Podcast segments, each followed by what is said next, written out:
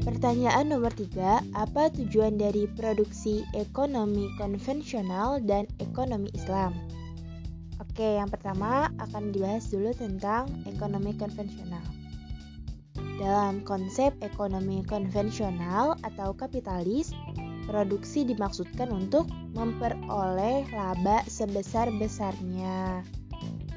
Berbeda dengan produksi dalam ekonomi Islam.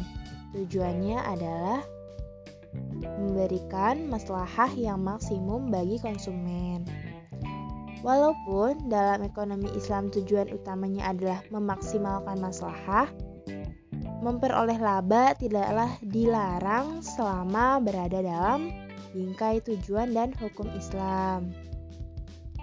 Nah, di dalam konsep maslahah sendiri itu dirumuskan dengan keuntungan ditambah dengan berkah. Keuntungan bagi seorang produsen biasanya adalah laba atau profit yang diperoleh setelah dikurangi oleh faktor-faktor produksi. Sedangkan suatu berkah terwujud segala hal yang memberikan kebaikan dan manfaat bagi produsen sendiri dan manusia secara keseluruhan.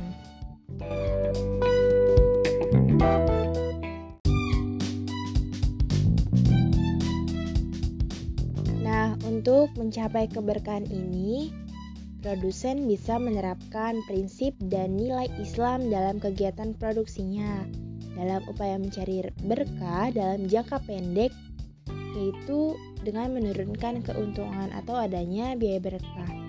Tapi dalam jangka panjang kemungkinan justru akan meningkatkan keuntungan karena meningkatnya permintaan. Nah, Berkah sendiri merupakan komponen penting ya dalam masalah karena itu bagaimanapun dan seperti apa pun pengklasifikasiannya berkah harus dimasukkan dalam input produksi sebab berkah itu mempunyai andil nyata dalam bentuk output.